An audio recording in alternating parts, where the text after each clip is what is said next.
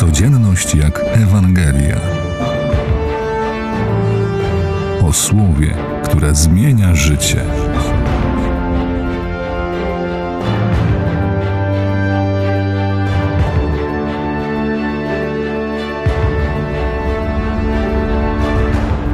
Wigilia Paschalna powinna odbywać się po zmroku, po to, aby w ciemności zajaśniało światło paschału.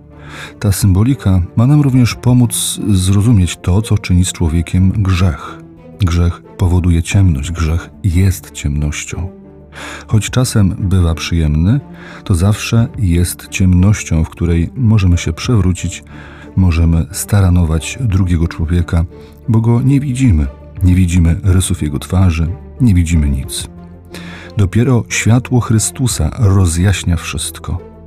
Jego symbolem jest właśnie paschał, owoc pracy pszczelego roju, na którego cześć wyśpiewuje się orędzie wielkanocne. Jezus Chrystus przyszedł na świat, aby rozświetlić mroki tego świata, aby zniszczyć, zetrzeć na proch to, co powoduje ciemność, aby zniszczyć grzech. Czy musiał umrzeć? Zapytamy. Czy Bóg, skoro jest miłosierny i sprawiedliwy, nie mógł wybrać innej drogi? Josh McDowell w książce pod tytułem Więcej niż cieśla daje taki przykład. Gdy moja córka stłucze lampę, biorę ją na kolana, przytulam, całuję i zapewniam o swojej miłości, bo ją kocham, bo jestem dobrym ojcem. Lampa jednak została stłuczona. Ktoś musi zapłacić za tę lampę. Podobnie jest z grzechem. Pismo Święte mówi, że grzech zawsze powoduje śmierć, a jeśli Bóg przebacza, to zawsze pozostaje cena do zapłacenia.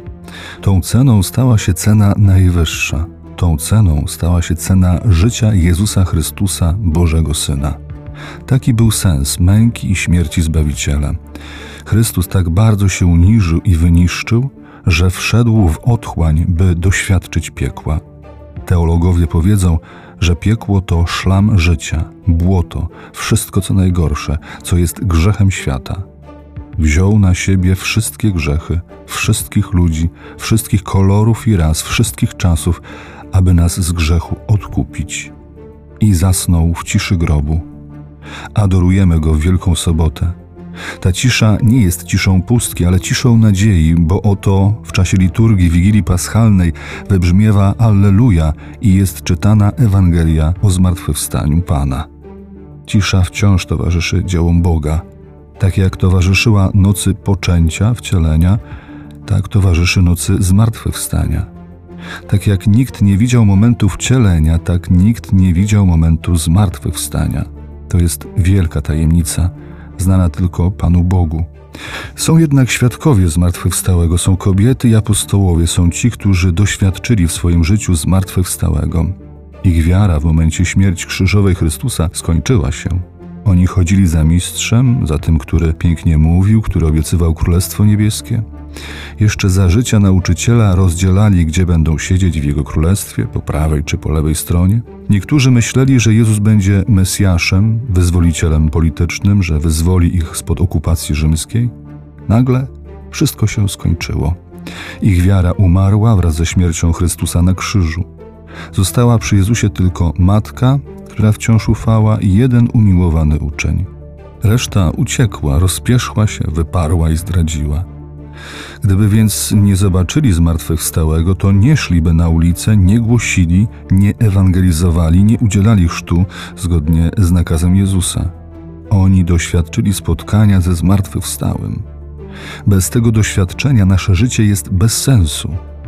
Jak mówił szwajcarski teolog Hans Urs von Balthasar, wszystko, co stanowi sens naszego osobistego życia oraz życia świata w ogóle, całej natury oraz historii, poszło do grobu wraz ze śmiercią tego człowieka.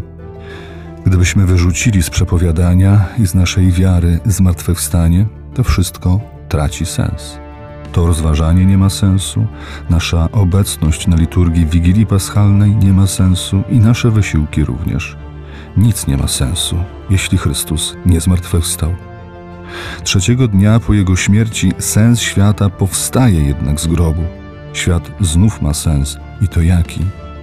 Zmartwychwstanie Jezusa już na zawsze będzie oświetlać całą naszą ziemską beznadzieję zupełnie nowym, nieziemskim światłem.